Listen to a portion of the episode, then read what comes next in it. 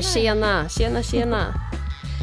Vi är Eh. inte ensamma idag. Nej, idag har vi med oss eh, en eh, superduperspännande gäst som heter Anna Lidén som jobbar på Equital. Jag fick idén att bjuda in henne efter att vi pratade foder eh, och så tänkte jag det här är min foderguru, undrar om Mm. hon kanske kan tänka sig. Och herregud, här sitter hon! Och här sitter hon! Välkommen! Välkommen! Välkommen Anna! Applåder! Tack snälla! Jag är så, så glad att få vara här och få prata lite grann med er och med alla lyssnare. Och vi är så glada och Ja, vi hedrade. supertacksamma. Jag skulle vilja att lyssnarna får en liten kort presentation av dig. Lite kort vem du är och vad du har för bakgrund och hur du hamnade på Equital. Absolut! Uh, ja, hästar har ju varit en del i mitt liv, uh, egentligen nästan hela mitt liv. Jag fick min första häst när jag var åtta år. En ponny var det uh, och sen så följde såklart andra hästar genom livet. Ja, mitt intresse för utbildning väcktes jättetidigt. Jag var nog typ bara 13-14 år när jag började ha mina första lektioner. Jag gick alla kurser som gick att få via Svenska Ridsportförbundet och jag jobbade även som utbildare av ungdomsledare ett tag, faktiskt i Dalarna som jag kommer ifrån. Eh, Jaha. så, ja, så att eh, jag har, har gått hela den här klassiska vägen, om man säger så, till att bli eh, ridlärare. Får jag fråga var, varifrån Dalarna du kom ifrån? då? Först Ludvika, jag växte upp i Ludvika och sen hade jag hästen i Borlänge och har jobbat i både Borlänge, Falun på Svedens gård och, på Främby. Ja, Och spännande. även Rättvik. Ja, så att jag har varit runt lite grann då när jag blev eh, färdig eh, ridlärare. Ja. Men sen flyttade jag ner till västkusten och eh, jobbade som ridlärare. Men sen gick jag över och jobbade mer som privattränare i markarbete för hopphästar och dressyr då som egentligen var min gren då, min inriktning. Um, och det var väl nästan där som jag, alltså hästarna, de, ehm, de skickade ganska mycket meddelanden, om jag får uttrycka det så. Eh, Ja. Att, att det var saker som inte stämde och jag kunde inte lösa det rent alltså, ridtekniskt. Utan det här handlade om någonting annat och jag kände att jag måste få fler verktyg. För att det här går inte. Jag mådde inte bra som ridlärare att liksom inte kunna hjälpa hästarna att eh, till exempel hitta sin egen balans eller vara ha- harmoniska liksom i sitt arbete. Det var saker som störde mig hela tiden. Gud vad jag känner igen mig i, i det, måste jag säga. Det var också därför jag utbildade mig vidare som terapeut. Ja. Vad kul. Jag, jag, alltså jag tror det många gånger är så att vi väljer en inriktning och sen så har man skaffat sig så mycket kunskap och erfarenhet och känner att man måste gå vidare helt enkelt för att eh, det pockar på. Så jag blev först massör och sen hästfysioterapeut och jobbade med lite andra eh, tekniker just för att eh, kunna få en tydligare ja, kommunikation och liksom försöka förstå vad det var hästen försökte att eh, förmedla. Mm. Eh, och det, var, det är klart att det har ju alltid varit en liten utmaning för det är ju inte alla kanske som, som förstår det. Men eh, jag, jag kunde ställa frågor till hästägarna så de förstod att, att det var ändå någonting mer och ja, bättre jag kunde förmedla helt enkelt.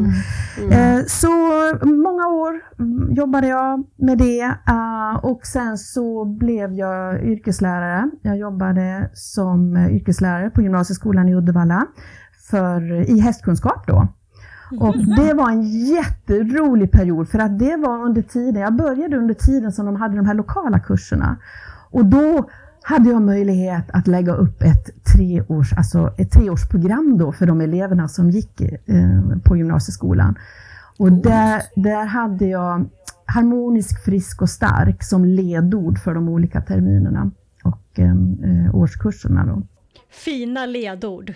Ja, alltså det har följt mig genom, genom egentligen eh, framåt också. Detta är ju väldigt många år sedan, det är ju liksom typ 20 år sedan. Men harmonisk, frisk och stark, det har liksom varit mina ledord hela, hela vägen. För att det handlar inte bara om att vara frisk, utan det handlar om att ha ett harmoniskt sinne. Så vi pratade väldigt mycket om hästens ursprung och ja, ni vet så här, vad, var den kommer ifrån och vad den för, har för behov och så vidare. Och sen bygga på det med, med olika friskvårdande och eh, även att kunna bygga hästen rent eh, fysiskt, eh, mm. som var sista. Um, så det gjorde jag och sen så egentligen första gången som jag blev mer intresserad av just det här med näring och nutrition, det var faktiskt en häst som jag köpte som inte kunde äta havre. Och det var så här, mm. jag tyckte det var jättekonstigt för det var ju liksom det som man gav hästarna. Det var hö och så var det havre och kanske lite bettfår. Eh, mm. han kröp ur skinnet och jag förstod ju att det, var, att det handlade om havren. Um, så jag började söka runt och hittade ett företag som sålde havrefri blandning och eh, det blev bättre. Det blev inte helt bra, men det blev bättre. Och det har väl sin förklaring som vi kan prata om lite senare. Eh, men det var liksom min första kontakt med att okej, okay, vad, vad är det egentligen vi ger våra hästar? Alltså för all mm. den kunskap genom näringslära och erfarenhet liksom visade på att det här med spannmål, var det verkligen optimalt för hästarna? Alltså hela deras fysiologi talar ju egentligen emot det. Men hur som helst så var det väl egentligen den sista då innan jag liksom klev in helt i, i den rollen. Det var en, faktiskt en elevs häst som hade skadat sig, stod i boxvila, eh, tappade, det, det var, hade, hon hade lite för dåligt grovfoder och hon försökte komplettera med diverse eh, koncentrerade foder och eh, hästen höll på att krypa ur skinnet och eh, det blev inte bra alls. Eh, och då tänkte jag så här att det kan inte vara så svårt att hitta ett eh, helt spannmålsfritt foder. Mm. Så jag började leta och kom i kontakt med eh, Linda Bennis som är hästfysiolog i, från England. Hon hade redan 97 förstått att det här med spannmål i foder, det är inte alls det som hästarna ska äta. Så det tog henne tre år att ta fram ett helt spannmålsfritt foder som egentligen hon handplockade råvarorna just bara för att hitta exakt det som hon visste var designat för hästens känsliga fodersmältningssystem. Så det här fodret lanserade hon år 2000 och jag kom alltså i kontakt med detta 2010. Eh, och då var det några i Sverige som hade köpt in det här fodret eh, och eh, organisationen var inte så, så där jättebra så jag tog kontakt med Linda och då bodde hon i Spanien och jobbade väldigt mycket med rescuehästar. Så jag åkte ner till henne och sa att det här fodret är för bra för att inte marknadsföras i Sverige. Jag har en examen i marknadsföring också. Ja, precis. Så jag tänkte nej, alltså det får faktiskt, ehm, det här måste ut. Mm. Och detta var 2010, jag började ta in det 2011 och startade då Equital AB. Och de följande åren så åkte jag bara runt och höll en föreläsning som heter Foderresan. Och det handlade inte alls om att åka ut och så att säga sälja ett foder, utan det handlade mm. om att åka ut och berätta hur hästen fungerar. Jag som har suttit i publik ett par, tre, kanske till och med fyra gånger kan stryka under det. Det är verkligen man får lära sig hela fodersmältningen och allt det där utan att det är kopplat till ett märke. Det tycker jag är fint. Mm. Det, på något sätt så är det, det är så jag är. Alltså, mm.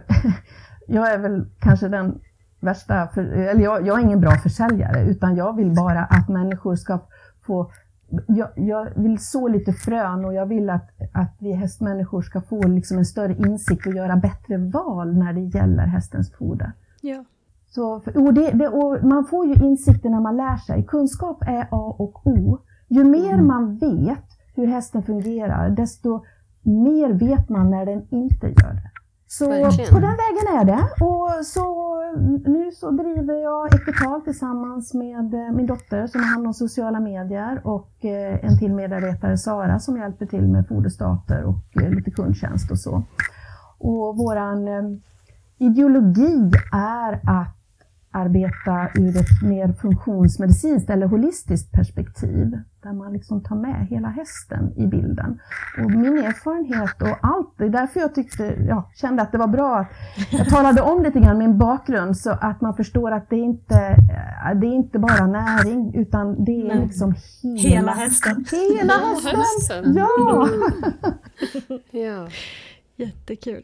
Eh, en fråga när du pratade dök upp hos mig. Eh, tycker du som var med så pass tidigt i det här när fodret börjar ändra sig i Sverige, att vi har kommit, eh, kommit långt på vägen åt rätt håll eller tycker du att vi fortfarande bara är och trampar?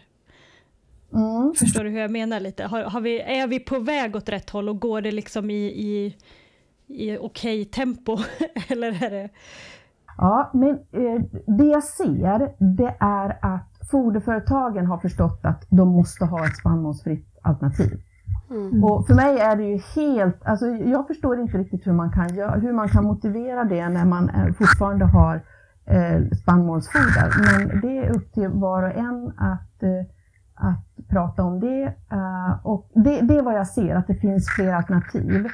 Mm. Men jag ser ju fortfarande att om man, man ska se i, i det stora hela så är det ju fortfarande väldigt många råvaror som inte har i hästarnas kroppar att göra.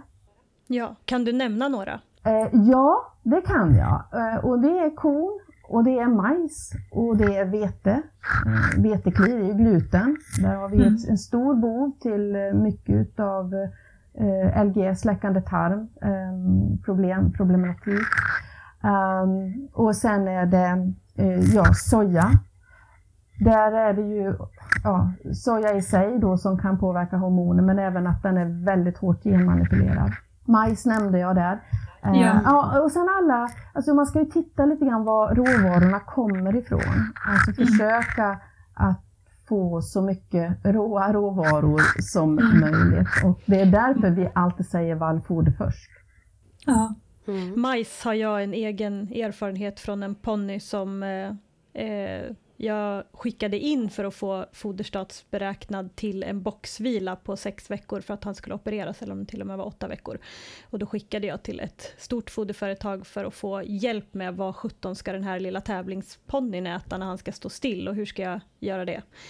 Eh, och då fick jag ett ett tips om en müsli som jag skulle då ge 8 deciliter av, eh, som innehöll väldigt mycket melass och allt möjligt. Jag kunde ingenting om det här då, på den tiden. Det var väldigt mycket majs i den och en vecka in, eh, och då hade han boxvila som var ur ett mer holistiskt tänk. Han hade även ute, utehage som han fick vara i och vi, alltså vi försökte att han skulle få så mycket omväxling som möjligt liksom ändå. Men en vecka in så hade han börjat krubbita ordentligt eh, och vi fick oh. avbryta boxvilan efter kanske Fy. fyra veckor och ge upp bara. Oh. Och det Men, var mm. i min värld för att vi bytte till, för allt annat, vi försökte, han hade allt, alltså höbollar och, och klicker, träningssessioner och allt möjligt liksom. Men 8 deciliter med socker och majs eh, tror jag var boven till, till krubbitningen. Absolut, det försurar ju. Spannmål försurar, mm. det ska vi ha helt ja. klart för oss. Det, det, är mm. ingen, det är ingen hemlighet att det gör det. Eh, så man ska vara noga med det. Men tillbaka lite grann till din fråga där, vad jag ser mer, det är att vi har väldigt många överviktiga hästar. Mm. Hästar i överhull. Ja, det ser ju vi också när vi är ute och jobbar, eller hur Offa? Ja, ja verkligen.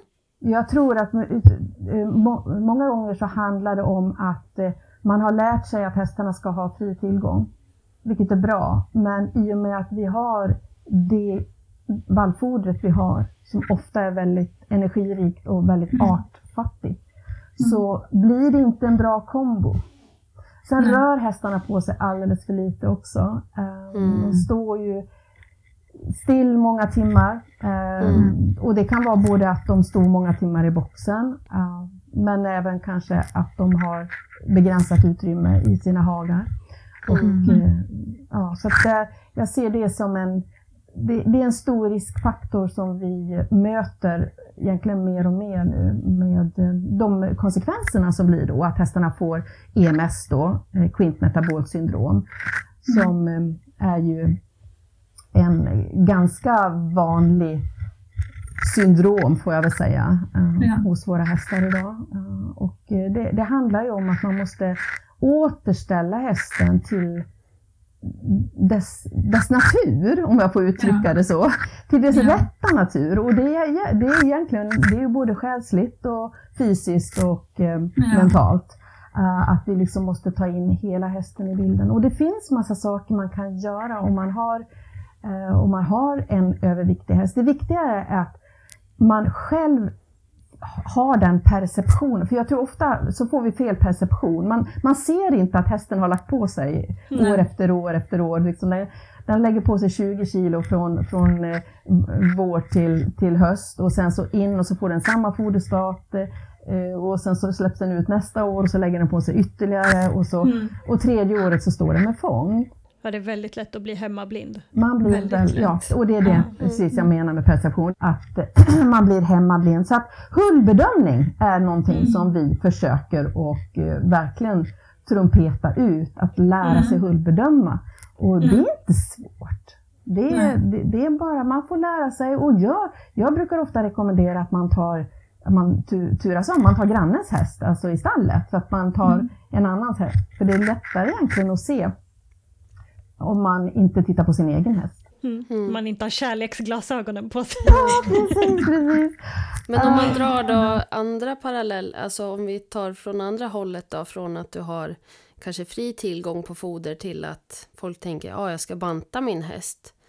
Eh, då tycker jag att man stöter väldigt ofta på folk som inte har någon egentlig eh, genomtänkt plan för så många timmar tuggtid som möjligt utan då får man helt plötsligt en häst som står med magsår istället. Mm. Mm. Du har helt rätt i det och det är för att de har fått rekommendationer från en veterinär till exempel, att du måste banta hästen och så kanske de säger, mm. till och med har jag hört dem säga, sätt hästen på halm. Mm. Vilket är ju helt ödesdigert. Alltså det är inte ja. så, man, man, får aldrig banta en häst, jag måste betona det. Man får mm. aldrig sätta en häst på en i våra ögon en bantningskur, utan det här handlar precis som du sa Uffa, det här är en plan. Och den planen måste man sätta igång med egentligen så fort hästarna kommer in från ett eventuellt bete.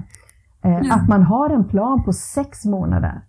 Där man lägger upp en, en sund strategi där hästarna ändå får möjlighet att eh, utöva sitt otroligt starka behov av att födosöka. Mm. Så det handlar ju om att dels hitta ett grovfoder som matchar det behovet hästen har. Och sen lägga till, alltså antingen mm. försöker man att förlänga ättiden, det finns ju väldigt mycket knep för det idag. Ehm, det finns ju bland annat det som kanske många pratar om med finmaskiga hönor. Jag har, mm. Kanske tycker att det, man ska ha en begränsad användning med det, både för tandhälsa och för eh, man har ju sett i studier att det kan påverka nacken och de står för många mm. timmar och rycker liksom ur de här. Den kan jag skriva under på. Okej. Okay. Ja, du som jobbar som Precis, med både mun och munkorg också kan bli ödesdigra konsekvenser för den hästens rygglinje. Och tänder framför allt. Jag har mm. pratat med en hästtandläkare och hon säger det att det är, det är vanligare och vanligare att de får extremt Alltså trasiga mm. framtänder helt enkelt. Så att, mm. Eh, så att man får vara lite påhittig och det handlar mm. ju om att har man möjlighet att dra upp hagarna i skogen så att man kan ha dem på mera skogsbete. Mm. Så att de ändå kan gå och plocka bland lite blåbärsris och gnaga lite på träden. Och, eh, mm. ja, liksom försöka, för bara den här mentala stimulansen, att de, att de vet att, att de kan gå runt och leta. Ja. Det är den som är det viktiga. Det är inte alltid det bara är att de ska ha in de här stora tuggorna i munnen. Utan Nej. Hellre tvärtom, att de måste gå en stund för att kunna ja. söka lite där och gnaga lite där och kanske äta lite. Hästarna äter ju gärna lite av jord och så också för att få i sig bland annat mikroorganismer. Mm. Så det, man får vara lite påhittig och jag vet att hur man utformar hagen kan ju vara en otroligt viktig del. Har man en typ fyrkantig hage lite större så kan man ju hängna in mitten i en fyrkant så att hästarna ja. liksom måste gå runt och ha vatten på ena sidan och, och eh, hö, höt, eller utfodringsstationen på, på den andra. Precis. små, små enkla saker som ger ganska stora resultat. Mm. Jag vet någon, jag kommer inte ihåg vem det var, men någon som gick hovformsspecialisten året innan mig eh, gjorde en sån där studie med eh, en eh, stegräknare på sin häst. Eh, så innan de byggde om hagen så testade de eh, med stegräknare och så att det funkade. och sådär, så byggde de om hagen och sen så vartefter utvecklade de hagen mer och mer och sådär och kunde se hur markant mycket fler steg hästen fick genom att förändra med, så som du säger, göra en ruta i rutan till exempel och flytta höet från vattnet och sådär. Ja. Det är ju fantastiskt egentligen och det är ju ganska kul. Alltså en Mm. termos kaffe och några kompisar och bara lite påhittiga i hagen, herregud. Det är ju, ja, precis. det är ju en bra helg. Ja, men eller hur? Helg. Det är jättebra. Här. Och det, alltså, det, man har sett på vilda hästar att de kan ju röra sig upp till 80 kilometer per dygn. Mm. Och eh, hästar som står i lösdrift ungefär 0,8 kilometer. Eh, Så då, då, då förstår man ju liksom Hästen är ju byggd för att röra på sig. Och ser jag ur ett näringsperspektiv så är det A och O för att alla näringsämnen måste kunna Alltså det ska ju vara som en vårflod kan jag uttrycka det i kroppen, alltså alla vätskor, det ska ju cirkulera. Och eh, alla näringsämnen ska ju ut i kroppen, ut i cellerna. Och sen så ska ju slaggprodukterna ut ur kroppen. Ja. Så om inte de här systemen fungerar, då blir det det är som jag säger, då, då, kan, då blir det som en, ett badkar där inte proppen dras ut. Så, Ja, och att hela, hela hästen är så himla viktig, för funkar inte hoven, den är hög och trång, och då funkar inte det där i alla fall. Mm. Eller oavsett så funkar det väldigt mycket markant sämre. Absolut, hovarna är det- det är också någonting som är en, en liten hjärtefråga. Jag kan inte så mycket om hovar, men jag kan se när, när de inte är funktionella. Mm. Och det där, det är svårt. Det är svårt och det, det är, eller jag ska inte säga att det är svårt, men det här gäller också att eh, man ändrar inställning som hästägare. Jag lämnade ju mina, mina hästars hovar lämnade jag till hovslagaren. Ja, det har ju jag också gjort alla år. Det är verkligen. Och sen så blir vi ju matade från eh, eh, reklam. Eh, det var ett drev här i veckan om en reklambild med reflexer med en, en, eh, en bockhov och en eh, NPA-hov som fint glansigt uppputsade och så, så Mm. blir det bara för oss helt normalt att vi har så mycket av det där i flödet. Det blir ju samma som det här med havrebetfor. Alltså man, det är ju normen för det är så markant många fler som alltid har gjort så. Liksom. Ja, exakt. Och det går som i generationer. Min, min mamma gjorde så, så därför gör jag så. Och så. Mm. Ja, verkligen. Den kan jag också Att- skriva under på. Men Anna, kan du beskriva lite grann hur hästens kropp påverkas av att vi ger den spannmål? Mm. Och för det första, alltså, ja, det kan vi ta en halvtimme till. Men, ja. Men lite Nej, grann. skämt åsido. Jag ska, jag ska bara ta det lite kort. Ja, det börjar ju med hur den tuggar.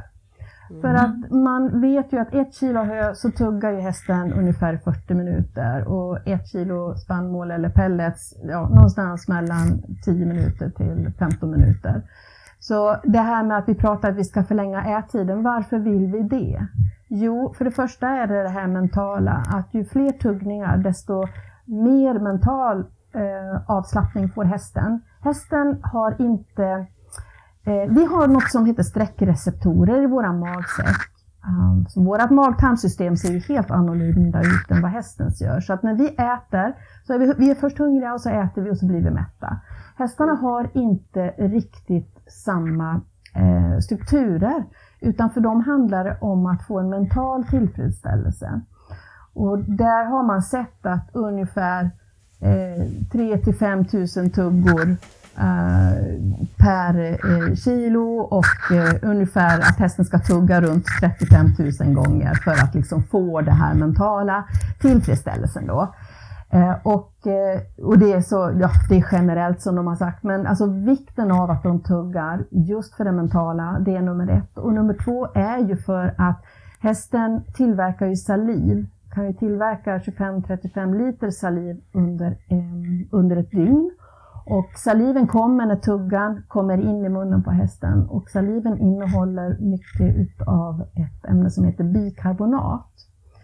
Och bikarbonat är, om ni känner till pH, så är det ganska basiskt. Och hästen behöver ha bikarbonat genom dess magtarmsystem just för att reglera pH i de olika delarna. Då. Det ska vara surt till exempel i den nedre delen av magsäcken. Men i övriga delar så ska hästen ha ett ganska eh, normalt pH, alltså runt 7, för att eh, få en full funktion, att kunna bryta ner och ta upp näringen. Så det är eh, också en, ett utav de anledningarna till att man eh, ska hellre ge hästen eh, vallfoder än att ge den eh, som havre eller spannmål. Då. Och annat som jag sa tidigare så att det försurar. Det finns eh, studier på det eh, där man har mätt med olika eh, analysinstrument och där man ser att det blir en direkt försurning. En annan risk med spannmål det är ju att det blir eh, inte tillräckligt surgjort i magsäcken. Alltså om man ger hästen stora mängder spannmål så Eh, är det så att i magsäcken så ska det först jäsa lite grann i den övre delen och sen så ska den här jäsningen avstanna när, när fodret kommer längre ner i själva magsäcken. Och då ska det bli väldigt surt. Det ska ner till typ 2, det är 2, 2, 3 ungefär i pH. Och är det så att hästen får stora mängder spannmål, då trycks det här ner så att det, det finns inte tillräckligt med magsaft för att verkligen kunna eh, eh surgöra så att jäsningen avstannar. Och det är då de kan liksom få ja, kolik då såklart. Mm. Eh, det är inte så vanligt idag. Det var vanligare förr att man gav dem. Man har lärt sig nu att det finns en begränsning för hur mycket spannmål man kan ge. Men sen har vi ju det här eh, som vi måste tänka på när det gäller eh, fortsatt resa genom tunntarmen. För att spannmål innehåller ganska mycket utav eh Eh, ämne som heter stärkelse. Det är en kolhydrat eh, de två kolhydraterna som finns som hästarna bryter ner i tunntarmen det är socker och stärkelse. Och socker vet ni, det finns det ju mycket i hö så att där har hästen en ganska god förmåga att ta upp det här sockret och bilda glukos som är då energi i hästen. Men även stärkelse kan hästen tåla i ganska små mängder för att det enzymet som heter amylas som ska bryta ner stärkelse finns i begränsad omfattning. Mm. Och det innebär att om hästen får stora mängder spannmål som kommer ner eh, ur tunntarmen där de här enzymerna ska jobba på att bryta ner, hinner inte med att göra det. Och då fortsätter spannmålen ner till hästens grovtarm som består av stora och lilla eh, kolon samt blindtarmen. Och här blir det då en Ja, det blir lite kaos i den mikrobiotan, alltså mikrobiomet, det vi kallade tarmfloran för. Det kallar vi för mikrobiotan idag. Det blir fullständigt kaos där och de goda bakterierna som vill ha fiber, alltså cellulosa, som kommer ifrån eh, växtens eh, skelett kan man kalla det för. Eh, mm. De goda bakterierna föredrar att få den typen av näring. Och sen finns det då lite mindre goda eller ogynnsamma mikrober som tycker det är kalasbra att få den här stärkelsefyllda spannmålen ner till sig för att då fermentera det. Och vad som händer det är att pH sänks i grovtarmen. Och när pH sänks, då blir det ofta eh, Ja, det kan bli olika typer av problem. Eh, det vanliga är ju att hästen får, ja, den får ju kolik många gånger. Den kan också då i förlängningen få någonting som heter LGS, alltså läckande tarm. Eh, vilket innebär att det kommer ut toxiner in i hästkroppen. Ehm, och eh, det är det ena. Och tyvärr är det så att när pH sänks i grovtarmen så dör även de goda bakterierna. Och de toxinerna som blir utav de här goda, alltså restprodukterna då, det blir gifter och de kan också komma ut i hästkroppen och ställa till med lite oreda där immunförsvaret måste försöka städa upp. Då. Mm. Även immunförsvaret blir sänkt på grund av att eh, Immunförsvaret består ju, eh, sitter ju till stor del i hästarnas eh, tarmar och är bakterier som bildar olika typer utav, man ska säga, nät eh, som då ska arbeta för att inte det kommer in, att, det, att tarmen ska vara hel så att säga. Tänk så här, jag ska försöka förklara, hoppas jag inte är för, är för invecklad nu, men tänk så här, mag-tarmkanalen från det att hästen tar sin första tugga tills att det kommer ut som träck, det är ett långt, långt rör. Mm. Och sen blir det liksom en bubbla för magsäcken och en bubbla för blindtarmen. Men det är ett långt, långt rör och inga molekyler större än näringsämnen ska gå, gå ut ur det röret och in i hästkroppen. Så man kan nästan mm. säga att hästens mag-tarmsystem ligger på något sätt utanför hästkroppen. Ni som har katter, ni mm. vet mm. när de äter möss så mm. lämnar de alltid en hög. Ja, just det. Ja. ja. Och det är, det är alltså magtarm. Det är mage och tarm. Det är hela, ja. hela det paketet. Och det är mm. så det ligger inuti hästen också. Mm. Är det något ni tycker att jag ska utveckla när det gäller det? Eller är det något som var oklart? Om man eh, befarar att ens egen häst har eh, skador i mage-tarm Eh, finns det någonting, går det att reparera? Kan man, hur, hur tar man sig tillbaka? Det är en jättebra fråga. Alltså, när vi pratar hästens... Det här är en verkligen hjärtefråga för mig. För att jag, ända sedan jag började med mina föreläsningar och åkte runt med foderresan då, så tryckte jag på det här att nyckeln till hälsa sitter i hästens tarmar. Vi, mm. vi måste börja där. Det mm. spelar liksom ingen roll hur vi, vi, vi plåstrar om hästen eller ger den olika tillskott om vi inte tar hand om mikroberna och mikrobiomet och ser till att det är starkt och livligt och kan hjälpa hästen för att mikroberna eller mikrobiotan är ju, är ju i samarbete med hästen. Så det mm. sker ju en enorm kommunikation mellan mellan de här mikroberna och hjärnan. Precis som hjärnan, vi kan ju ha hjärnspöken som gör om vi är nervösa så springer vi på toaletten. Eh, och, och, den kommunikationen går ju från hjärnan ner till hästens tarmar också. Att den mm. behöver göra sig av med träck i olika situationer. Eh, mm. Men det är inte bara det, utan kommunikationen går åt andra hållet också. Mm. Så det, och det här är så otroligt viktigt att förstå att den här gut-brain-axeln att den verkligen påverkar hästarna mycket, mycket mer än vad vi tror. Så mm. jag brukar säga så här, fodra mikroberna. Fodra inte hästen. Hur gör vi det då? Ja, det gör vi.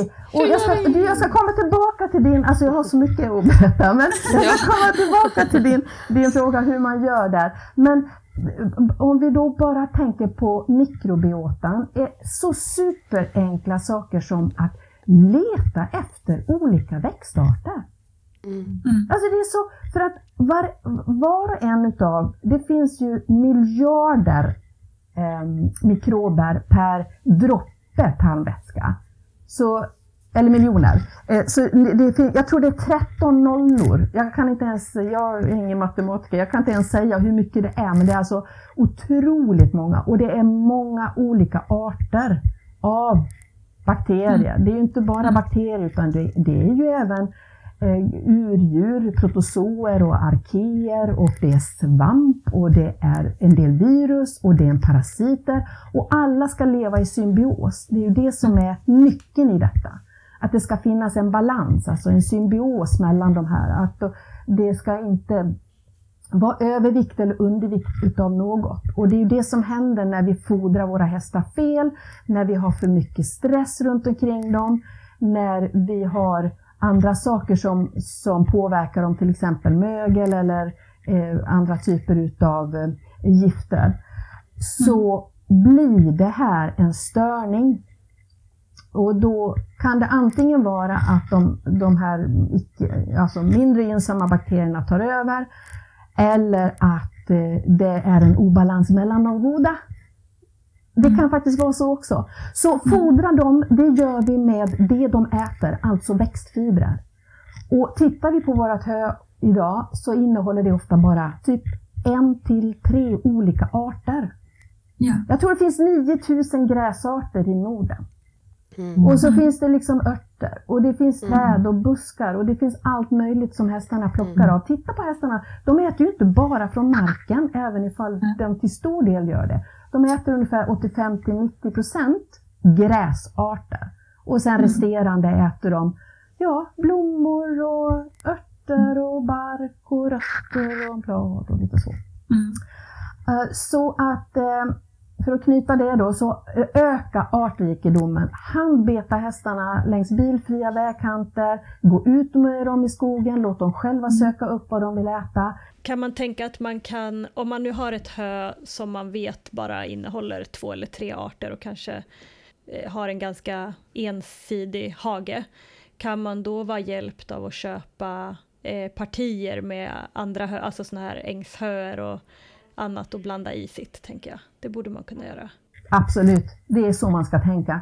Mera arter in. Och, så det är absolut, ut och sök flera arter. Och sen så brukar jag också uppmana att, jag vet att det har varit jättesvårt att få tag på bra hö. Mm. Eh, och hösilage kanske om man har det. Men eh, försök att etablera en bra relation med era eh, leverantörer, med höbonden och de som producerar hö. För man kan alltid öppna upp. För de är ju också intresserade av att möta våra häst, alltså hästars behov. Eh, för det, det, det, och det här är ju en helt, det är ju en jättebra marknad för våra bönder egentligen. Så att jag tror, jag har lobbat lite grann för att vi ska öppna upp kanalerna mellan våra höbönder och eh, vi hästmänniskor. Så att vi kan liksom uttrycka våra önskemål. Och jag har full respekt för att det är inte bara att så i sju, åtta arter av olika gräs. För att det handlar om hur de växer och hur, hur starka de är i förhållande till varann. Och, och, ja, det, det, det är en hel vetenskap som jag inte kan uttala mig om. Men att bara öppna upp för de som faktiskt kan. Ja. Att eh, så in några fler arter. Och sen som, som du gav förslag på här Ellen, att, att leta efter andra källor. Och eh, även örter, jobba med örter. Och där kan man ju tänka att man jobbar med eh, olika typer utav eh, örter efter säsong till exempel. Att man ger Mm. hästarna, eh, man kan lägga upp så att de får välja själv. Eh, Mm. Det jag vet är att eh, hästar med EMS kan ha lite svårt att ha den här radan. Men eh, Mm. De flesta hästar brukar ofta gå på det de vill ha. Ja. Mm. Men sen, eh, som ni, om jag får stoppa er lite, när ni pratade om eh, att ja, man kan ta in annat om man hittar ängshö eller så. Men sen är det ju en faktor med liksom hygien, man kan inte bara köpa eh, hur som helst och sen vill man inte fodra från den leverantören och sen tar jag en bal där och så att det blir Eh, Jag tänker bara så inte lyssnarna blir förvirrade att vi pratar väl inte om att man ska göra ett foderbyte varje månad, för det är ju... Det jag, varför jag frågar var för jag brukar bra. själv ofta rekommendera det, så jag vill bara inte känna att jag rekommenderar fel. Men när, Mm. när de vet att de har fått tag på ett hö som kanske inte riktigt passar deras häst så brukar jag säga att försök att hitta så att du kanske ger morgongivan eh, utav en annan sort. Eh, Mm. Så behöver du inte ha lika mycket av den du får in men du kanske ändå kan få in en giva. Liksom. Så jag ville bara ha någon slags styrkt att inte jag lär ut knas. Nej, det är, alltså ni har så rätt båda två. Eh, Ja, och, samma. och, och det du säger ofta är jätteviktigt. Det är ju centralt i det här. För det, hela det här gänget, så fort vi byter foder så är det som, som eh, mikroberna åker till Indien. Alltså Ja. det är verkligen så. De måste ha en anpassning på två, tre veckor. Precis. Så att, eh, att jobba med olika typer, eh, då bör man hålla sig till eh, en sort, en fabrikant. Och eh, såklart, köper man av ängshö av en från någon som liksom inte har analys, alltså man får skicka in, man kan ju ta hygienanalys och, och även analys på om man har hästar, eh, om man ska ge en större mängd så måste man ju ha en näringsanalys också för att kunna bedöma ungefär hur eh, foderstaten ska se ut. Så det är helt rätt. Bra poäng eh, båda två där tycker jag. Jättebra att ni flikar in med era kommentarer. Sen tänker jag, vi har väl, vi har ju jättemycket som vi kan göra under hela sommarhalvåret och ge våra hästar eh, olika inslag från naturen och som du säger handbeta och verkligen låta dem få den eh, få de tuggorna när man ändå är ut eller om man åker förbi något ställe där man får ta lite sly, att man faktiskt gör det. Eh, men sen under hela vintern så kan man ju också, jag tänker själv, eh, att man kan torka lite örter och att man kan ha ett lager När jag hade hästgård också. så gjorde vi, då klippte vi ner eh, alla brännässlor och sånt där mm. och la upp på höskullen ja. för att torka ja. och lite annat sånt också, lite tistlar och grejer. Ja. Eh, det tyckte ju hästarna var jätte, alltså de tyckte verkligen det var gott. Eh, men det, var, det är också så, det är ett litet meck ju, det möglar lätt och det, det är svårt att... Det är lite meck, men sen, ja, det, ja. Annars, får, annars kan man ju köpa det också. Eller så, alltså det finns ju ändå att få tag i att man inte behöver begränsa sig bara till att Ja, ja. Nej, det viktiga är ju att sånt här som vi sitter och gör här nu, att man pratar om det och att det kommer ut och att man börjar fundera, vad kan jag göra för min häst? Det måste mm. ju vara det absolut. Ja, det är det. Det, det är det absolut uh, viktigaste och det här är som jag sa, det, det, det är så Alltså om man tänker så här att vi ska prioritera vallfoder till våra hästar och, och jag försöker att eh, inspirera hästägare att försöka leta efter vallfoder som passar hästarna som man har då. Mm. Så har man till exempel både hobbyhästar och tävlingshästar i ett stall, ja, då får man, om man kan köpa in ifrån två olika källor då, mm. analyserat, där man vet att det går att mixa, det går att lägga 75-25 på ena och 25-75 på den andra. Alltså att man kan liksom variera lite grann, då får man en väldigt bra mix. Och kan man då få lite olika hösorter in i detta så är ju det toppen. Men mm. också att komplettera just för att, att ha det liksom i åtanke att man ska försöka fodra mikroberna så mycket det går. Då. Det, ja. det, är pre, det, är vad vi kallar för prebiotika. Och varför jag är så noga med att tala om att det, försöka hitta gräs och växtkällor, det är för mm. att många gånger kan det stå prebiotika och då är det andra typer utav fibersorter. Det kommer liksom det kan mm. vara eh, oligosackarider och det kan vara eh, cikoria och det kan vara ja, inulin då. Eh, och det kan vara från andra. Och det, det, är inte riktigt tillräckligt. Det är bra, mm. men, men vi, måste, vi måste verkligen ta naturen tillbaka till hästen. Ja. Det är det enda jag kan ja. säga. Ja. Vad säger du? Jag har en fråga. Nu kanske jag eh, banade in här, men jag bara tänkte på vad säger du Anna om fodergäst? Vad händer i magen? Alltså det här med gäst har ju varit en sån otrolig diskussion fram och tillbaka mm. och eh, frågar du mig så... Eh, ja, det gör jag ju. Ja, det gör du. det är helt rätt. Du, jag skulle inte ge gäst till min häst. Nej, nej. det skulle jag inte göra. För Utan, att? Nej, för att eh, jag är... Eh, jag kan se att det blir en obalans i hästarnas eh, eh, mikrobiom. Jag tänker, måste man inte också tänka om man nu ger fodergäst, om man då har en sån här säck som jag gav min krubbitarponny, att det blir stor skillnad på vad gästen gör med majs och vad gästen gör med eh, jättemånga olika hösorter som från en höpellets, eller? Ja, och sen vi pratar olika typer av gäst, för att vi har ju gäst som man har frystorkat så att det är verkligen gästsvampen, Saramycoeses mm. bland annat, eh, som, eh, som man har gjort jättemycket studier på och det ökar liksom nedbrytningen och det är liksom väldigt mycket positivt. Det finns ju cellulosa-nedbrytande svampar också som är gynnsamma för hästen. Eh, men när det gäller den här andra gästen, avdödad gäst och så, det är ju mat, man säger att det är mat till mikroberna. Eh, mm. Jag ifrågasätter, eller jag tänker så här, eh, jag vill hellre försöka eh, väcka liv i flera Precis. mikrober som faktiskt tillverkar vitamin B12 då, som ju oftast ja. man, man hänvisar till, eller B-vitaminer i stort.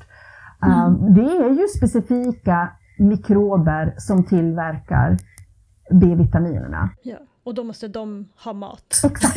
Och det är så ja. jag tänker. Jag, jag försöker alltid fråga mig varför.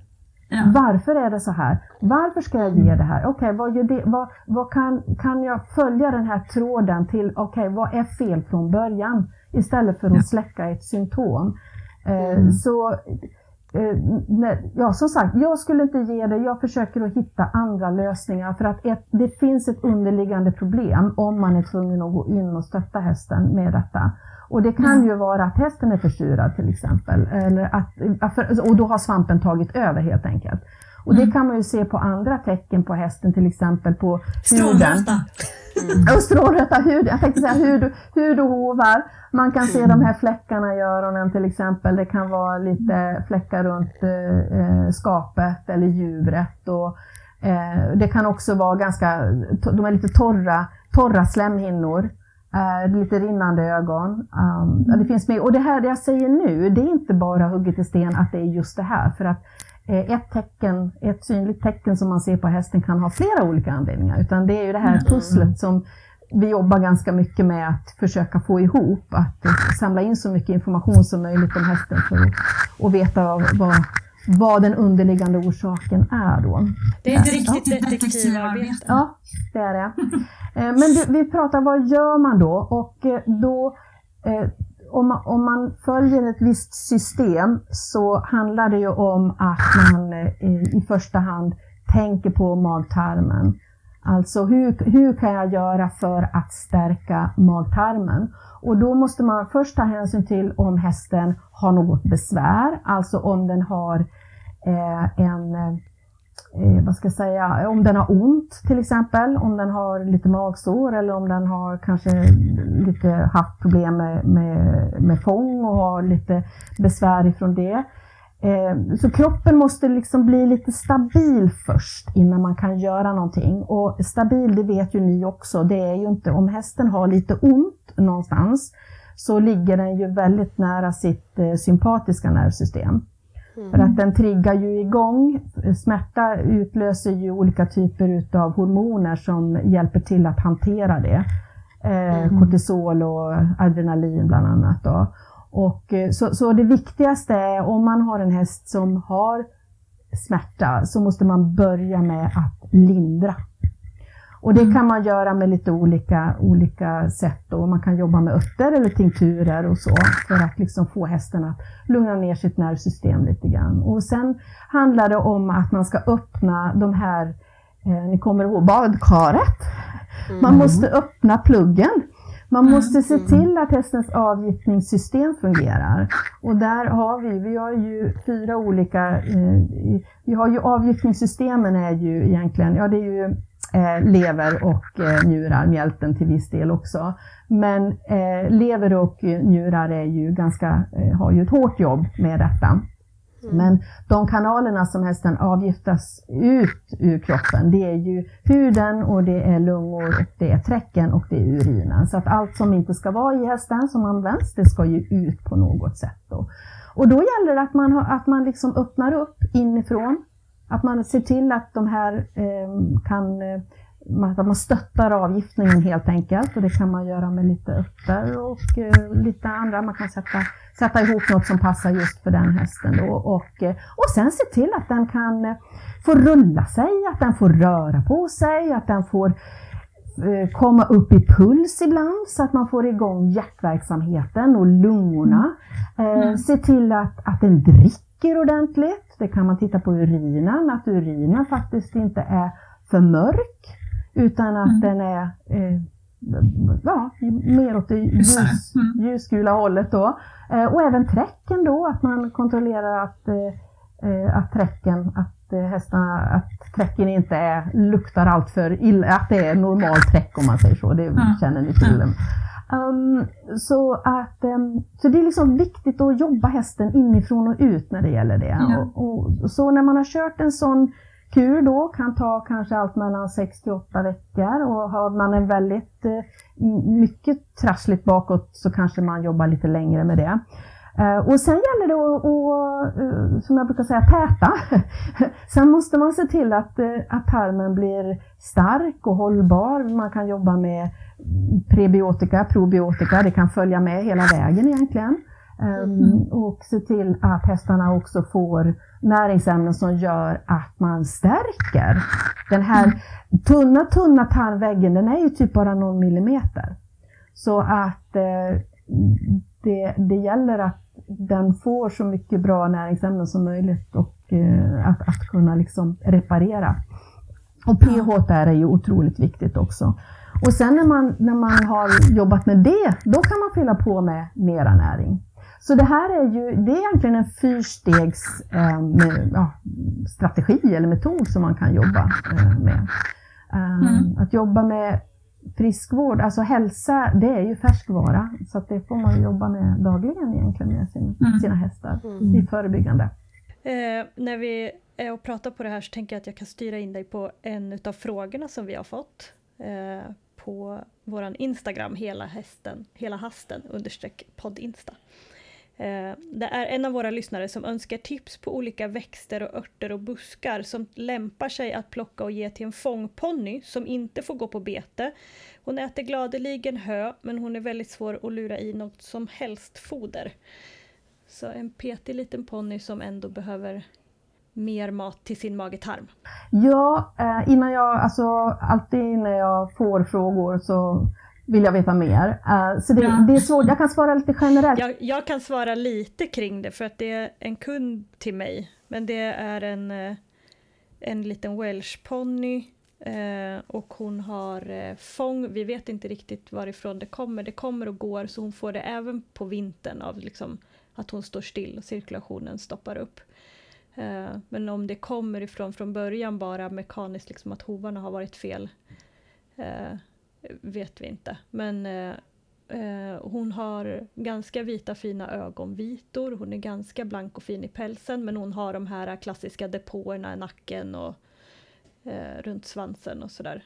Eh, och helt klart sur, eh, mycket röta och, och sånt. Ja, ja nej men eh, det, det är ju en det är ju en häst som man skulle behöva ta igenom ett, ett lite längre program då för att den springande punkten i detta det är ju att hon har en, en hormon, en endokrin påverkan eh, genom sin EMS nu och eh, har en, en, eh, en insulinobalans kan man väl kalla det för. Så hon har säkert fettlever också, det brukar de ju ha när de har de här fettdepåerna. Så man måste liksom börja med att eh, eh, ta det, alltså börja där egentligen.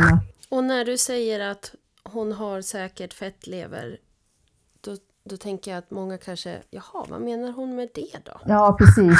Eh, det är ju så att när hästarna får för mycket Ofta är det ju sockerrikt foder, men det kan ju även vara stärkelserikt foder.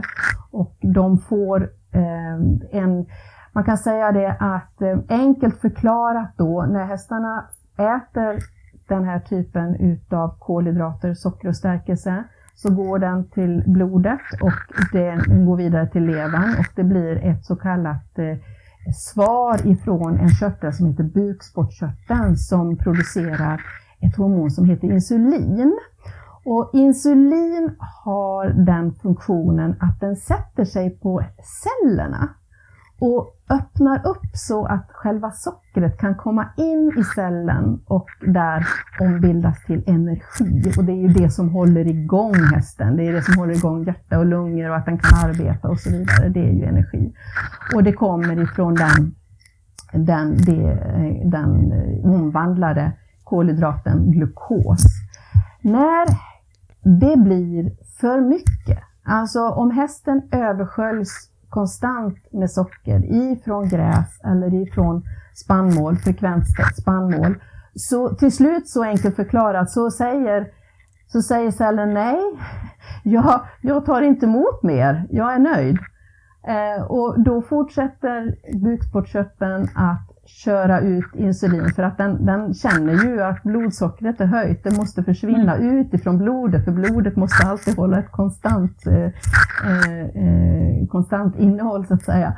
Och mm. vad som händer då det är att det måste tas om hand på något sätt och då lagras det in som fett istället. Och det är ju då mm. vi ser de här klassiska eh, fettdepåerna som kommer i, i hästens, eh, ja, längs med mankammen.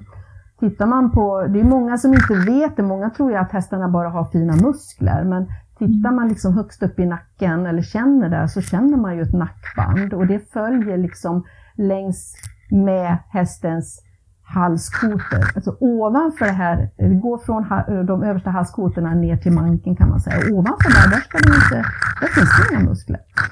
Så, äh, hingstar kan ju ha lite grann, men det är också en hormonell påverkan. Ja. Men, men våra hästar som får de här fettdepåerna, de sitter ju där och de sitter ofta typ bakom bobladet, uppe vid ländryggen eller på, kan sitta som kuddar på varsin sida av svansroten. Mm. Men vad, vad matar vi den här hästen med då? För om, vi ska gå på, om vi ska gå på levern till exempel? Du, jag, jag, kan säga så här, hon eh, får jättegärna gå med i min Facebookgrupp som heter Hela hästen med Anna Lidén, för där har jag ett avsnitt som heter KPU och lyssna lite grann på det, för det handlar lite grann om det här med avgiftning och mm. hur, hur levern fungerar. Uh, och annars så kan jag säga mina råd. Jag hade nog med den här lilla ponnyn hade jag nog sökt ett eh, analyserat komplement. Så någon form av höpellets med många arter som är analyserat eh, så att man vet exakt hur mycket socker det är i. För mm. att om, om man går ut och plockar, det blir, även ifall det är små mängder, små mängder gör ingenting. Alltså riktigt små mängder om man säger så. Men jag hade nog satsat på det först och sen försökt att eh, vända på eh, statusen helt enkelt. Så hon får, hon får jättegärna kontakta, kontakta mig och så för vidare rådgivning. Men det hade jag absolut gjort. Jag hade jobbat på att eh, hitta analyserade komplement till i första hand då, tills man har fått bättre ordning på det hormonella. Mm. Vi har en till fråga om, om man kan lära sig lite själv eller om man måste förlita sig på firmor när det gäller eh, foderstatsberäkning. Eh, hon undrar lite om mikro och makromineraler, hur man själv kan se vad som fattas. Finns det några knep att leta efter? Kanske några program eller ja. Oh, så, jag blir så glad när jag får sådana ja. frågor. För det är precis det är precis där, för, för, ja, när man liksom vill lära sig mer och vill förstå um, hur det hänger ihop. Och, uh, och jag kan säga så här att det, det här med att räkna foderstarter, det är alltid best guess, alltså bästa gissningen. Mm. För att vi, vi påverkar ju väldigt mycket i hästarnas liv. Vi bestämmer väldigt mycket, i princip allt om våra hästar mm. i, i deras mm. liv. När de ska äta och inte äta och vad de får äta och när de får gå ut och vilka kompisar de får ha. Så vi har ju ett väldigt stort ansvar för att se till att våra hästar har det bra. Och när det mm. gäller just foder och foderstater så är det viktigt att göra en analys på grovfodret för att ha någon form utav eh, att förhålla sig till. Någon mm. form av uppgift att förhålla sig till. Och eh, de foderstatsprogram som finns att tillgå det är ju eh, hästsverige.se. De har ett bra, de har ju även lagt in mikromineraler nu i sina program. Så att det har blivit ett, en, har, de har utökat det. Eh, det som blir när man söker de här, vi, vi själva vi, vi har en grund ifrån PC Horse heter det programmet och det finns även andra appar som man kan använda sig av. Det som är, är risken med, med de här programmen om man inte har någon person bakom som bedömer också, det är ju just att det blir ganska statiskt. Alltså det blir precis den informationen man har lagt in och inte hur är den här hästen? Alltså Nej, rent metaboliskt och hur ser den ut och, och hur man, man anger en vikt men det är jätteviktigt att veta men var är den på skalan, alltså hullskalan. Mm. Vad, vad, är det för ambition vi ska ha för den här hästen? Mm. Och när det gäller mineraler och så är det ju också viktigt. Vi kan ju göra en foderstat, alltså vi, när vi räknar, när alla räknar på foderstater så kan man få ett, ett okej okay, liksom, värde. Men det förändras ju i samma ögonblick som hästen går ut i hagen eller får tillgång till. Ja. Så, ja. så, det är best guess. Men bättre att ha en best guess än att inte ha en eh, jäkla aning. Precis. Och det finns PC Horse, jag tror att de har en gratis version också så, så hon kan ju gå in och titta där. Vi räknar ju också på foderstater och ger de här kompletterande råden om man använder sig av några av våra produkter. Då. det, Mailar man då till Equital? Ja, man kan gå in på vår webbsida, det ligger en länk där. Mm. Och vi ställer jättemycket frågor, för vi vill verkligen veta. Ja. vi, beräknar, vi beräknar också på, på Hovcenter och vi är oberoende precis som ni, men vi, jag står ju lite bakom precis det du säljer mm. eh, i och med att jag är upplärd lite av dig. Eh, så jag, jag kommer alltid rekommendera men jag låser mig absolut inte på, på något märke.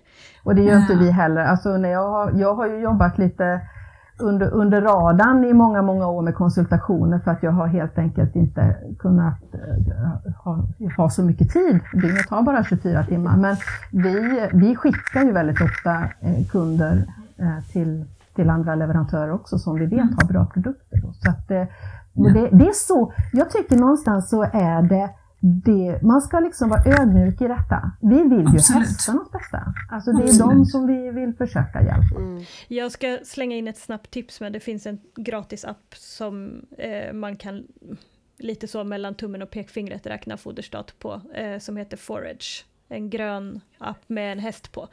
Eh, men det är precis som du säger, det blir ju lite svart på vitt och man måste ju fortfarande se till individen men men jag tänker att man ser i alla fall om det är en väldig obalans i det höet man har hemma. Och sen kan man, för, för det är ju det här, hur, hur vet man att hästen har näringsbrist? Det är, ju, det är ju en av de underliggande orsakerna till att hästarna blir sjuka. Det är antingen att de har en näringsbelastning, till exempel olämpligt foder, eller näringsbrist. Och eh, det kan inte vara helt enkelt att eh, se det, men det finns vissa tecken som man kan se. Och det är ju, man kan ju se mycket på pälsen. Mm. Uh, och med det sagt så är det en parentes för det. För att man kan ge väldigt dålig, dåligt foder och ändå ha en väldigt glänsande fin häst. Och det beror på att man ger dem mycket olja. Mm. Så olja är ju en, eh, det är ju fett och eh, där, den har sin naturliga ut, utkanal genom huden. Så den smörjer. Så att, och hästarna behöver ha fettsyror också. De behöver ha fettsyror från det som mikroberna tillverkar men de behöver även ha omega-3 och omega-6 då, som de får via fodret. Eh, så det, det är, det, de ska absolut ha lite, men tänk gräs. Vad finns det i gräs? Det finns 3-4 procent fett i gräs. Mm. Uh, så det är ungefär där man kan förhålla sig, absolut under 10 procent. 8, 8, mm. max 8 skulle jag vilja säga. 8 procent mm. i, i, i foder då. Um, så det är det. Pälsen, humöret, alltså läs av, mm. läs av hästarna. Alltså allt som man kan ha som synliga tecken då, liksom päls och hovar och huden och dålig sårläkning eller att den eh, både går upp för mycket i vikt eller går ner för mycket i vikt och eh, även förändrat beteende, att den blir mm. grinig eller att den på något sätt uttrycker att den inte är nöjd och står och skrapar eller biter. Ofta när de biter på liksom stolpar och sådana saker, det kan vara mineralbrister, men ofta är det faktiskt eh, vad heter det, fiber. Att de får ja. för lite fiber. Eh, eh, och sen unghästar, de, är ju, de håller ju på med sina tänder där så att de, de kan gnaga också för att det kliar och så. Um, och uh, vad finns det mer? Ja, det finns ju, uh, men det är väl egentligen de, de viktigaste. Man kan också se såklart om hästen går med svåra näringsbrister. För det ska man ju ha klart för sig att när man tar ett blodprov och försöker att få klart för sig hur, hur hästens näringsstatus är, så är det bara en ögonblicksbild. Mm. För som jag sa tidigare, blodet vill vara i, i balans, i homeostas. Och är det så att hästen har eh, kalcium, alltså att det, det, fattas de här komponenterna i blodet, så, eller i vävnaderna, så dras det ifrån skelettet. Till exempel. Mm. Så som, som mikrofraktur, alltså det kan ju vara sådana lite mer allvarliga, men då har ju den här bristen pågått väldigt länge. Mm. Och, eh, och det går alltid att rätta till. Men generellt skulle jag vilja säga att vi försöker nog rekommendera uppåt en 20% ökning ifrån det uträknade behovet som många foderstater grundar sig på. Det är ju forskning från typ år 1945 och framåt. Så mm. det har ju hänt mycket sedan dess. Alltså mm. bara det hur det påverkar med miljön, alltså näringsfattigt alltså våra mm. jordar är utarmade. Ja, det ser man ju stor, stor skillnad. Om man pratar lite med bönder så är ju de väldigt ojar sig mycket över hur skillnad det är nu på höerna som de tar nu från bara 20 år tillbaka. Ja, det är stor skillnad. Och inte bara det utan också för man, man, kan, man kan räkna den perfekta foderstaten och ändå kanske hästen inte går upp i vikt eller att det kvarstår problem eller att det är någonting. Men då det är därför det är så viktigt att ta hand om mage-tarm först, för att då Mm. kan ju inte hästen tillgodogöra sig. Den kanske har Precis. det är ju så här att mikroberna har ju som jag sa tidigare direktkontakt med hjärnan och det här utbytet är ju även, eh, signalerar ju liksom till alla kroppens organ. Så är det, uppstår det en brist så kan ju eh, helt enkelt mikroberna öppna upp porten för att släppa in, släppa in ännu mer mineraler till exempel. Mm. Så det, forskningen ligger alldeles i början på detta. Det är otroligt spännande. Men, men man har ju sett att den här kommunikationen sker ju hela tiden. Alltså portarna öppnas och stängs. Och det är liksom små receptorer som sitter liksom i tarmslemhinnan som, som då har en kommunikation med övriga delar av kroppen. Det är helt fascinerande det här hur, hur signalsystemet eh, går. Man säger upp till 80 procent av alla signaler går från tarmen upp till hjärnan. Då. Så det är verkligen en, eh, viktigt att vårda. Mm. Det vet man ju på sig själv också, herregud. Jag Ja. trasslar med min mage jämt. Det, Mm. det är svårare att hålla humöret en dålig magdag och det är svårare att orka. Och, Mm. En, en intressant eh, som jag snubblade över här för några månader sedan, det var ni vet PPID då, den här eh, störningen som man kallar då för, på hypofysen. Och det är ju så att det blir inte tillräckligt mycket produktion av dopamin bland annat. Eh, och eh, då är det ju så att eh, mikroberna är ju inblandade i det här också. De är ju inblandade i hormonproduktion, bland annat alltså se- som serotonin då som till det är som att ha deppiga anställda på en deppig arbetsplats. Exakt! Ja, men bra uttryckt Ellen! Det är precis så! Och ju mer vi öppnar den här dörren och tittar på den här fa- fascinerande livet som är där inne. Och som liksom stöttar hästen i ur och skur och förser den med, med proteiner och med mineraler och vitaminer och energi och städar upp. Och, ja, det, det, är, eh, det är verkligen värt att vårda om, om de här små.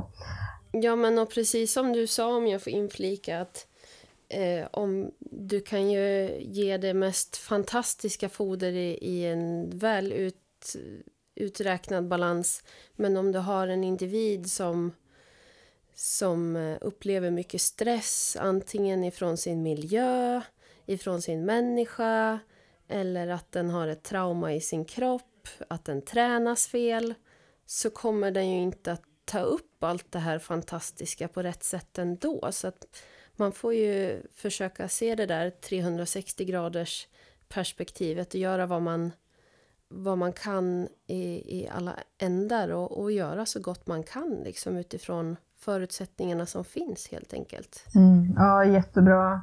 Eh, jättebra sagt att det är precis så. Mycket handlar ju om hästens eh, eh, levnadsmiljö helt enkelt och, och livsstil och att vi, att vi lär oss om hur hästar fungerar och hur, Mm. vad de behöver helt enkelt. Mm. Apropå det, förlåt, apropå det Hinna så skulle vi hinna om flika in någonting om sömn. Ja! Det sa du någonting igår, ja. Precis, sömn ja. Det är, ju, det är ju faktiskt så att det är eh, det kan man inte tänka på, men hästarna har ju ett otroligt behov. De, står, de kan ju vila stående eh, och de kan ligga ner med, med huvudet lutande. Och eh, deras sömncykel är ju väldigt kort. De, de sover ju eh, inte så långa perioder. Föl kan ju ligga en timme helt utsträckta och sova och det är ingen fara, det gör de. Eh, Precis som barn sover länge. Men just hästar ligger ju oftast inte ner mer än en halvtimme. Och det har ju med deras fysio, eh, fysiologi att göra. Att de måste upp och röra på sig för att de har ju inte muskler hela vägen ner till hovarna. Utan det, det måste igång, cirkulationen måste igång. Och sen är det också för att kunna ha koll. De löser ju av varandra, det vet ni, i flocken och det. Men det här med sömn då, för att eh, inte de, för att de ska verkligen kunna koppla av så måste de gå ner i REM-sömn. Och det sker i 12, ja, 12 minuters intervaller. Och för att göra det så måste de lägga huvudet helt ner. Och jag brukar fråga, när jag, för jag har ju tusen frågor när jag får in mina kunder och hästägare. Ja, hur sover de? Ja, och då, ja, men kontrollera det. Har de, har de lite spån i pannluggen eller du vet de här avtrycken de brukar ha. Vita hästar är ju klockrena, de brukar ja. ha lite, lite bajshögar i ansiktet. Ja, eller, ja. eller bara alltså, pälsen ligger åt andra hållet och, och eh, så. Då, då vet man att de faktiskt har kunnat koppla av. För annars så är risken att de har kronisk stress. Mm. Och det här, eh, jag har ett helt kapitel, jag har ju en, eh, en academy där jag har ett helt webbinar bara om sömn. Just mm. för att det är så otroligt viktigt att förstå att det är en av nycklarna för hästarnas hälsa och även prestation. Så har man problem med hästar som börjar knäa i stallgången eller, eller visar på annat sätt att, eh, att den inte att den, ja, att den blir slö och trött och, och så vidare och det här kan ju bero på jättemånga olika orsaker. Att man har fel lampor till exempel, att man har blåa lampor som står på hela nätterna. Man ska ha en röd lampa om man måste ha en stalllampa. Det kan vara att man har för trånga täcken. Det kan vara äldre hästar som inte vågar lägga sig för att de vet inte om de kommer upp igen. Mm. Eh, och Det kan vara hästar som känner sig otrygga. Mm. Så det kan bero på många olika orsaker och det är så viktigt att vi liksom läser av våra hästar. Mm. Så vi, jag tror de flesta av oss vet när vi öppnar stalldörren om någonting har hänt eller inte på natten. Mm. Alltså vi bara känner det på oss och det är just de här, mm. den, här, den här den känslan som vi måste ha med oss hela tiden runt våra hästar utan att mm. lägga någon negativ bedömning i det. Mm. Utan bara ta in och, och lyssna på det som de försöker. De har ju sina paraboler ute hela tiden och vi, och vi har inga. Ja. Vi, vi, på något sätt så, så har vi inte det. Men om man bör, barn är ju helt fantastiska, för de har det ju. Mm. De kan ju ofta liksom komma, ja, den där hästen har ont. Alltså de, ja. känner, de, de vet. Ja. Mm. Men vi stänger av den när vi blir äldre. Så det, det är viktigt. Jag tror man jobbar in den här hästkänslan, uh, att mm. bara vara med och lyssna in då. Men jag tror det var jätteviktigt att du nämnde det med sömnen för att det, det är nog som du säger det, det är ju ändå tusen saker man ska tänka på i den här hästvärlden och det är kanske inte en av sakerna som liksom pratas om i stallen så mycket. Och jag har ju själv behandlat ganska många hästar där det har, där det har liksom kommit upp i efterhand att ägarna har märkt att jag vet, jag har sett att han har börjat ligga ner i hagen. Det, det kommer jag ju faktiskt inte ihåg senast den gjorde sist. Och att, som du sa, också mycket, mycket när hästarna blir äldre och stelare så blir det extra viktigt att de har eh, självförtroende och läkning kvar i kroppen så att de kan slappna av och våga lägga sig ner för annars så går det ju väldigt fort utför. Det kan jag skriva under som fick tvillingar som båda hade kolik och först nu efter två år börjar sova lite grann. Att man, blir, man blir helt väck när man aldrig man får sova. Man kan ju alltså. ofta dra paralleller till sig själv, alltså, ja. verkligen. Mm. Och stress är en av de absolut mest eh, mineraldränerande eh, mm. faktorerna. Det, mm. Stress äter mineraler. Mm. Så C-vitamin bland annat, som man ju säger att hästarna tillverkar själv. Eh, ja, friska hästar kanske tillverkar en viss del, men eh, njurarna, binjurarna, de, är de i stress? Alltså har hästen en kronisk stress? Mm. Det kan man ofta se på, hästarna blir ofta introverta. Jag har haft många importerade hästar, eller elever som är importerade hästar och de är mm fullständigt, de vänder ögonen om ni förstår vad jag menar. Alltså man får liksom mm. ingen, det finns Nej. ingenting där och sen så har man då det här strama runt mulen och gärna lite uppdragna, lite, väldigt spänt och så. Det, de, de, de kan ha mycket kronisk stress i kroppen och det fullständigt äter C-vitamin. Och de hästarna mm. får ju mm. ofta mycket problem. Alltså det är ju problem med magen och sen blir det hosta och sen är det hudproblem och det är immunförsvaret. Mm.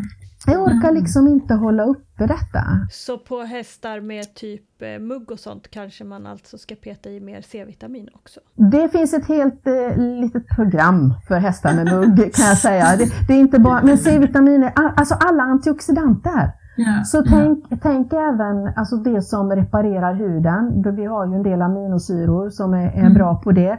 Men även eh, E-vitamin mm. och selen, zink har vi mm. också.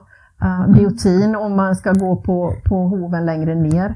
Um, mm. Men alltså, det, när vi jobbar med näringsterapi så försöker vi att uh, sätta, sätta ihop ett liksom, ett recept som jobbar i symbios med varann och sen så mm. får man liksom göra och det är inte, man får absolut inte ge hela tiden för att för mycket eller för lite blir obalans. Det är, det är ju så, det ska ju vara en balans. Mm.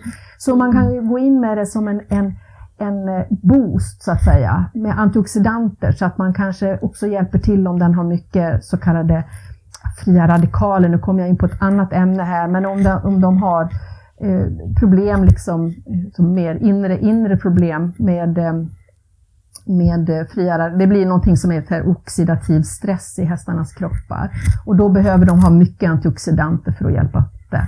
Nu är vi inne på ett annat område, men det, det är fantastiskt, det är jätteviktigt. Men alltså, börjar man med att eh, se över och verkligen vårda mag-tarmen från munhålan, alltså jätteviktigt med munhälsan.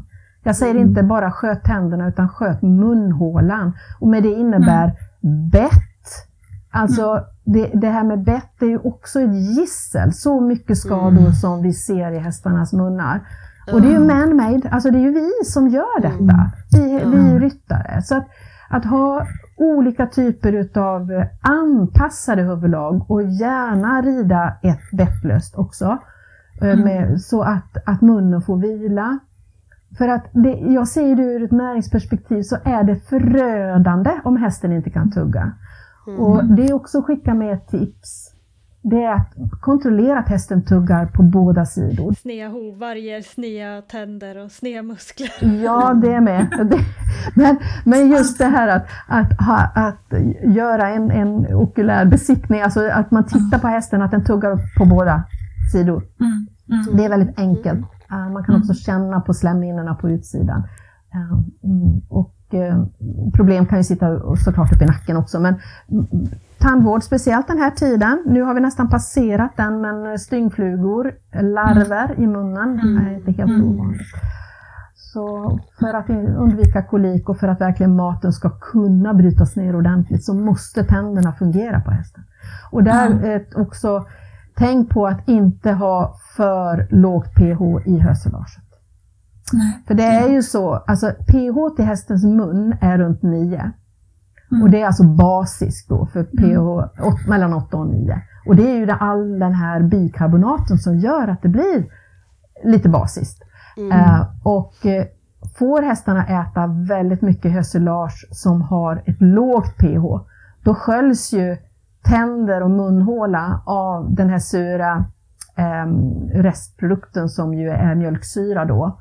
För med restprodukten som de här bakterierna fermenterar i, i mm. själva den här instängda balen. Och, mm. och, det är ett lågt pH och då kommer mjölksyran in i munnen och det sänker pH.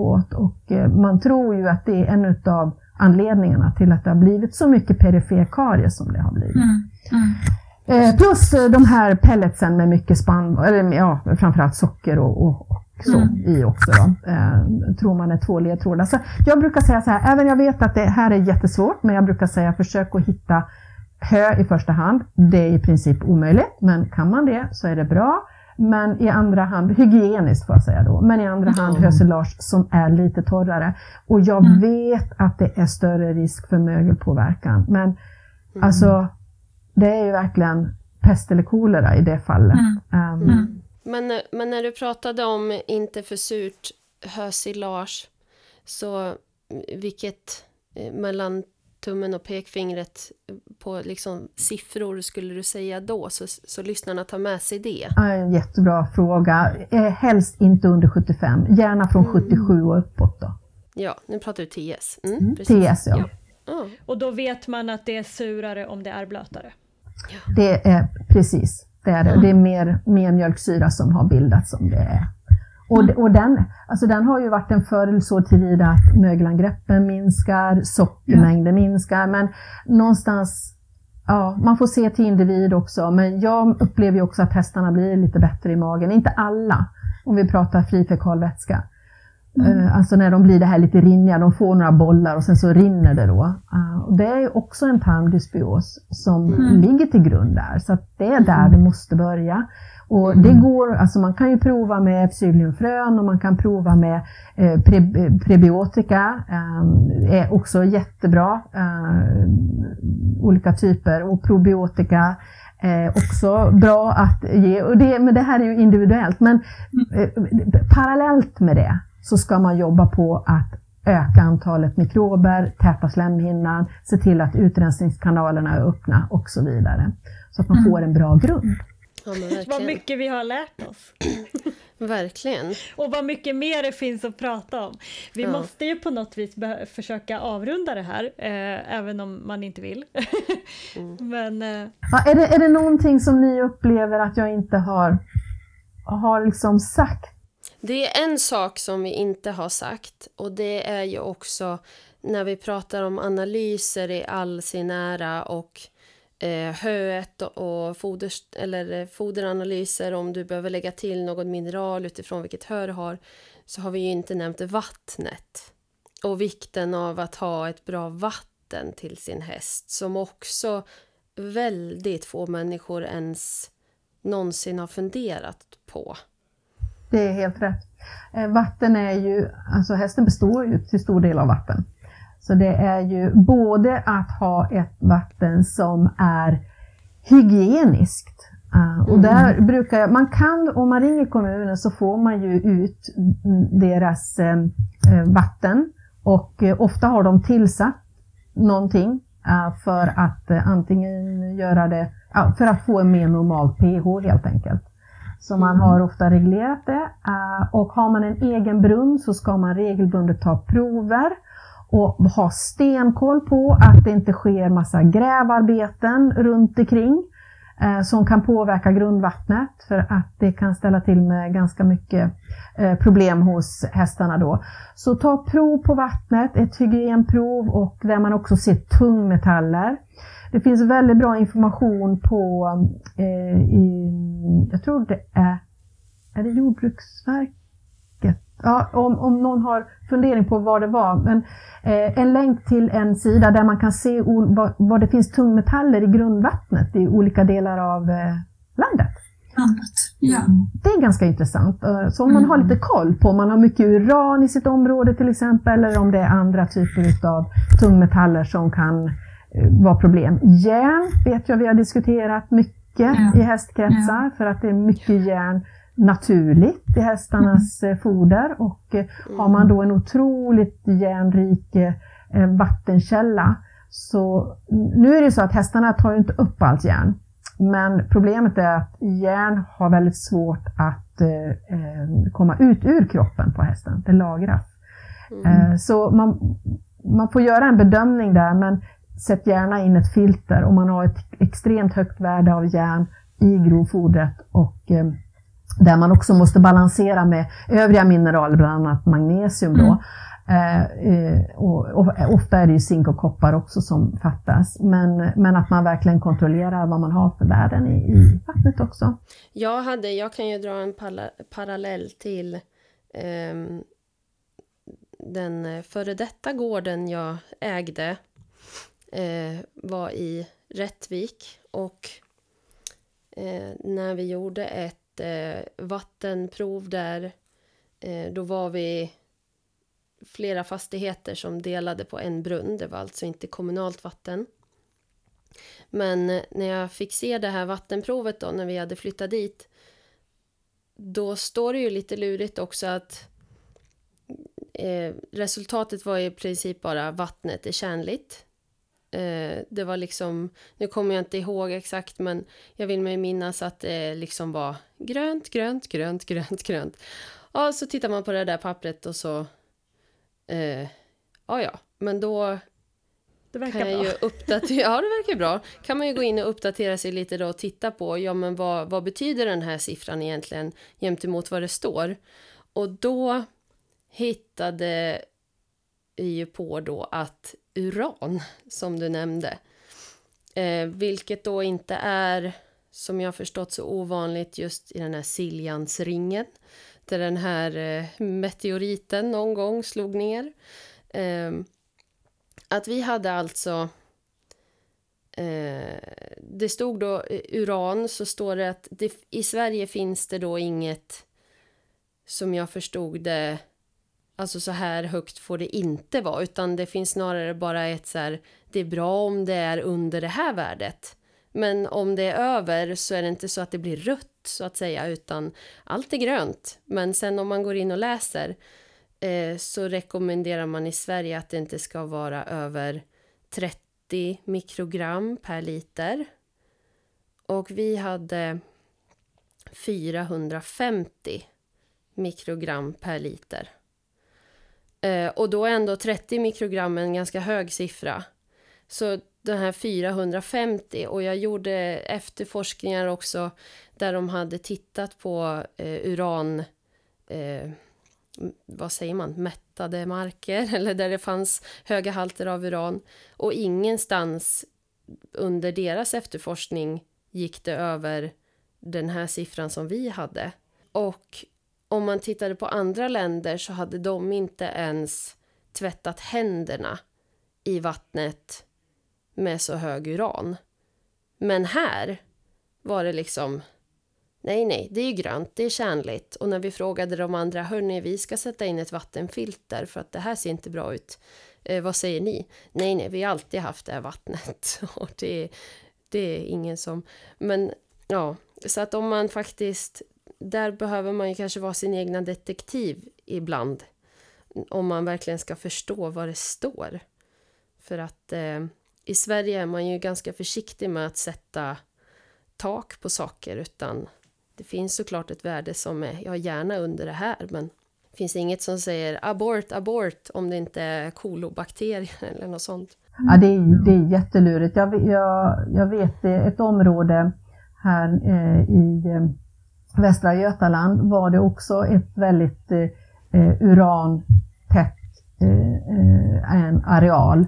Och mm de började komma det på spåren. Det var en, en naturläkare som bodde där och eh, det var så här att de, kvinnorna blev inte gravida och hästarna blev inte dräktiga i detta. Mm. Mm. Så, eh, och de, de kunde liksom se att det här stammade ifrån det, för när de satte in filter och så vidare, när de fick ordning på det så, så gick det bra. Då. Men, eh, så det är klart att det påverkar våra kroppar.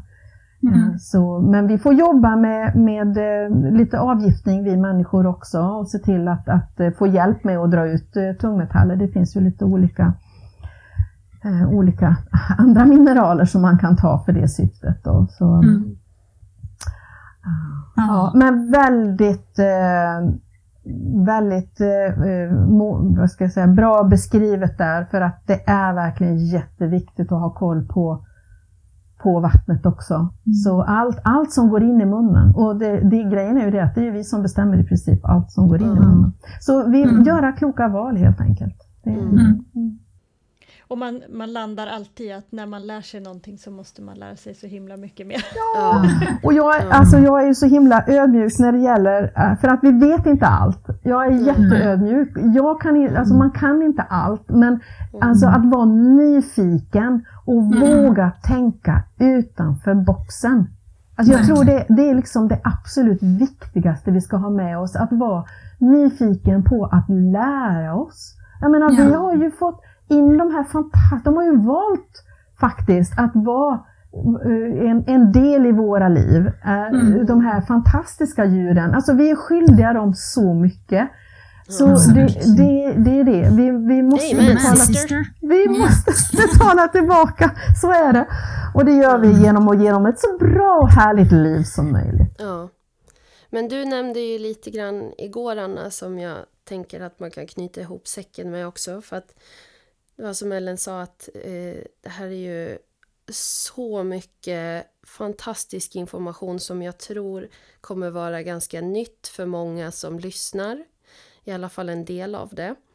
Och jag kan ju själv, om jag går till mig själv, finna mig ibland i att eh, jag jobbar ändå med att diagnostisera och analysera och försöka få något helhetsperspektiv på eh, Eh, hästar och deras relation till deras människa och hur de mår och hur människan mår och hej och hå.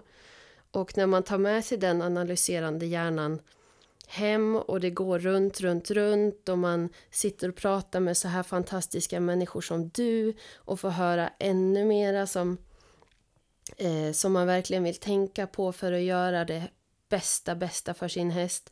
Då kan ju jag ibland finna mig själv i att när jag går bak till mina hästar och ska ha en, ska ha en good time så blir jag för analyserande i att, åh herregud, det är så himla mycket att tänka på. Så att hur ska jag hålla mina hästar vid liv? Och, och tänk om jag inte gör det bästa för dem. Och att man kan hamna ibland i sådana skov av att man vill hästarna så väl så att man, man blir nästan deprimerad av att, att det är så himla mycket man, som man vill kunna göra bäst. Eh, och då måste man ju komma ihåg också att eh, man, man gör så gott man kan i, i det här 360 graders perspektivet och att tänka utanför boxen. Men sen är det så viktigt också att när vi väl är med hästen, att vi är med hästen och att man kommer att vi så långt bra på... i stunden med hästen. Ja, att man ja. kommer så långt på det som du sa lite grann eh, under vårt samtal igår. Att en glad häst kommer man långt på. En levnadsglad häst. Och att eh, om man blir lite för överanalyserande efter att ha lyssnat på det här så vill jag i alla fall dra oss tillbaka till också att vi har ju hästar för att det ska vara kul. Och vi ska komma ihåg att andas och ha roligt med hästen för det kommer också hjälpa Gud ja. hästens hälsa. Vi utsöndrar ju också allting som, som vi utsöndrar när vi känner eh, stress och allting. Så när vi utsöndrar mm.